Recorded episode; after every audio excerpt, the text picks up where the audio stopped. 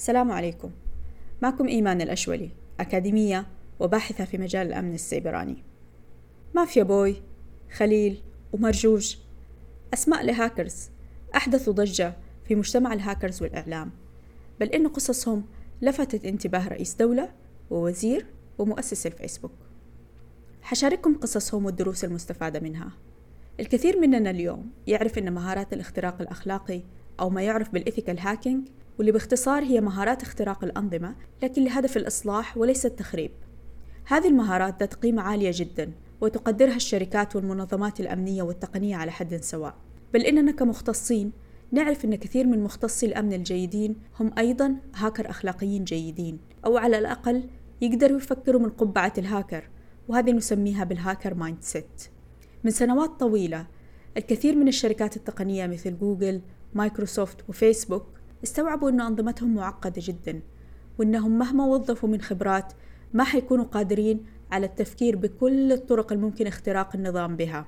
فقالوا ليش ما نستفيد من خبرات أي شخص في أي مكان في العالم؟ يكتشف ثغرة في أنظمتنا ونكافئ المخترقين الأخلاقيين اللي بلغوا عن الثغرات الأمنية. لذلك هذه الشركات صمموا برامج تسمى مكافآت التبليغ عن الثغرات واللي تعرف بال security bug bounty programs بعض هذه المكافآت تصل لمئات الآلاف من الدولارات. والمكافأة تختلف حسب خطورة وصعوبة وأثر الثغرة على المستخدمين. مثلا فقط في سنة 2019 شركة فيسبوك دفعت أكثر من 2 مليون دولار مكافآت في برامج مكافآت الثغرات الخاص بهم. بعض المشاركين في هذه البرامج يقدموا على نفس الشركات اللي وجدوا فيها الثغرات ويتوظفوا في هذه الشركات فيما بعد. الجدير بالذكر أنه في السنوات الأخيرة أعلن الاتحاد السعودي للأمن السيبراني والبرمجة والدرونز عن منصة مكافأة للثغرات في السعودية. نرجع للمافيا بوي خليل ومرجوج. في قصصهم كلهم كان هدفهم أخلاقي بحسب زاويتهم من القصة. ومع ذلك وجدوا أنفسهم في مأزق بسبب محاولاتهم لاكتشاف أو إصلاح بعض الثغرات الموجودة في الإنترنت. ولم يحصلوا على أي مكافآت بل حرموا منها وبعضهم حصل على عقوبات قانونية. لازم نعرف إن في خط رفيع جدا يفصل بين الاختراق الأخلاقي والغير أخلاقي. والهدف في هذا البودكاست إننا نلقي الضوء على هذا الخط والأخطاء اللي وقعوا فيها الثلاثة هاكرز. نبدأ بقصة مافيا بوي. مافيا بوي هو اسم مستعار لشاب من كندا اسمه مايكل كالتشي. في سنة 2000 كان عمره لسه 15 سنة لسه طالب في المدرسة. كان يبغى يجرب كود. والكود هذا كان يرسل طلبات متواصلة على موقع اللي حدده المبرمج. اللي سواه المافيا بوي إنه اختبر الكود على مواقع حقيقية وأول موقع اختبره كان هو الياهو. وما كان مستوعب التبعات اللي ممكن تحصل نتيجة للطلبات المتتالية على هذا الموقع. اشتغل الكود وقت ما كان هو في المدرسة. ومع ضعف إمكانيات وحماية المواقع آنذاك تسبب الكود في إحداث نوع معروف من الاختراقات يسمى اختراق منع الخدمة أو Denial of Service Attack. اللي يتم في هذا الاختراق هو إرسال طلبات مهولة في نفس الوقت وهذه الطلبات تعيق الموقع عن الاستجابة لأي طلبات جديدة ويتوقف الموقع الضحية عن العمل. بالضبط زي لما نتصل على رقم هاتف بشكل مستمر. رقم الهاتف هذا حيظل مشغول وما يقدر يستلم أي طلبات اتصال أخرى. تسبب المافيا بوي في توقف موقع الياهو واللي كان أحد أهم محركات البحث ومزود خدمات البريد الإلكتروني والمحادثة آنذاك. تسبب في توقف مواقع أخرى مثل إي باي وسي إن إن وأمازون وتسبب في خسائر اقتصادية كبيرة تقدر بالملايين حسب بعض المصادر. المافيا بوي تعرض للمساءلة القانونية والرئيس بيل كلينتون عقد اجتماع عن ال cyber security بعد الحادثة بأيام. فعلا It's an alarm لما سيحصل في العشرين سنة اللاحقة وما بعدها. القصة الثانية لخليل. خليل شريتح هو شاب من الضفة الغربية في فلسطين. بجهاز لابتوب بالكاد يعمل. قصته حدثت في سنة 2013 خليل وجد ثغرة في موقع فيسبوك. فيسبوك زي ما أغلبنا عارفين في فكرة الحائط لكل مستخدم أو ما يعرف بالفيسبوك وول. اللي يقدر من خلاله المستخدم أو أصدقائه اللي مضافين في قائمة الأصدقاء كتابة رسائل عليه. الثغرة اللي وجدها خليل تسمح لأي مستخدم كتابة رسائل في حائط أي مستخدم آخر بدون ما يكون مضاف في قائمة الأصدقاء له. طبعا هذه مو الطريقة اللي المفروض أنه فيسبوك يعمل بها.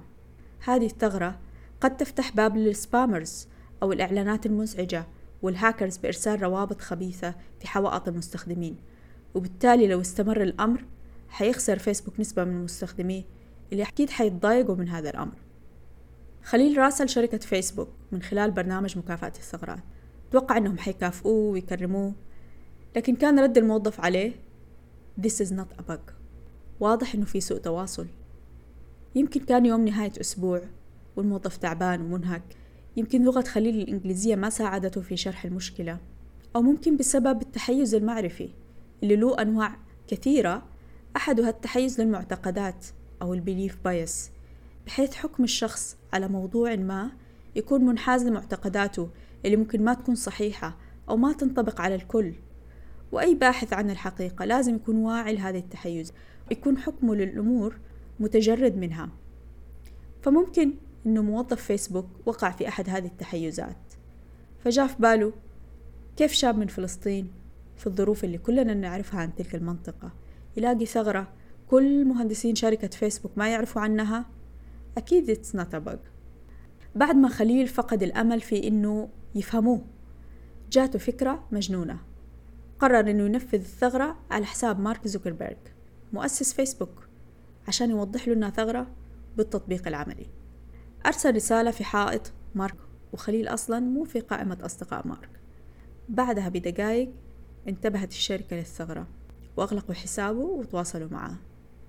للأسف لم يتم منح خليل أي مكافأة والسبب إنه من شروط برامج المكافآت في معظم هذه الشركات إن الهاكر ما يطبق الأتاك أو يجربه على حسابات مستخدمين حقيقيين وإنه ما ينشر الثغرة للعلن قبل ما تتبلغ الشركة وتغلق الثغرة. بس الجانب الإيجابي في القصة إنه الإعلام الدولي ومجتمع الهاكرز الدولي كله عرف عن القصة وانشهر اسم خليل بل وتعاطفوا معه وجمعوا له تبرعات قد تفوق ما كان سيحصل عليه من فيسبوك. القصة الثالثة لمرجوج. مرجوج الهزازي هو اسم مستعار لشاب سعودي اسمه تركي السفياني. مرجوج ظهرت قصته للإعلام في 2015 قام باختراق أنظمة سبع جامعات وعشرين إدارة تربية وتعليم في السعودية. كان يحاول يلفت انتباههم. يقول إنه هدفه فقط إنه كان يريد أن يحصل على وظيفة. مرجوج حاول يلفت انتباه وزير التعليم بنفسه واللي علق عليه في أحد المناسبات العامة للوزارة. يا شباب اللي في تويتر يدخل على مرجوج هزاز ويقول له إني مشغول بس ترى ما انسحبت من الحوار معه. لكن اللي صار إنه أحد الجامعات قامت برفع قضية ضده وتعرض لعقوبات منها الحبس ومنع السفر. نيجي للجزء الأهم. وفي دروس كثير من الثلاثة قصص نقدر نستفيد منها. من قصة المافيا بوي نتعلم إنه إذا نبغى نختبر كود ضروري إننا نكون فاهمين وظيفة الكود جيدا حتى ما نتسبب في أضرار لمواقع حقيقية. من قصة خليل على الرغم من تضارب الآراء هل هو مخطئ أم لا؟ لكن أظن استخدام لغة إنجليزية سليمة واضحة للتبليغ عن الثغرات كان ممكن يساعده أكثر. كمان نتعلم أنه ضروري نتأكد من اتباعنا لشروط برامج مكافأة الثغرات حتى نحصل على المكافأة ومنها عدم تطبيق الثغرة على حسابات حقيقية. من قصة مرجوج نتعلم أنه إيجاد الثغرات لأجل المقايضة أو المطالبة بوظيفة ربما لن يكون مجدي وغالبا حتكون نتائجه عكسية. إذا عندك مهارات اكتشاف الثغرات استثمرها في الأطر السليمة عبر برامج مكافآت الثغرات. كمان ضروري ما نعلن عن الثغرة للعامة قبل ما تتبلغ الجهة وتغلق الثغرة حتى ما نتسبب في أضرار أكبر لهم. بكده أوصل لختام الحلقة. وفي صفحة البودكاست حأضع روابط للمهتمين بالمزيد فيما ذكر في الحلقة. ألقاكم على خير.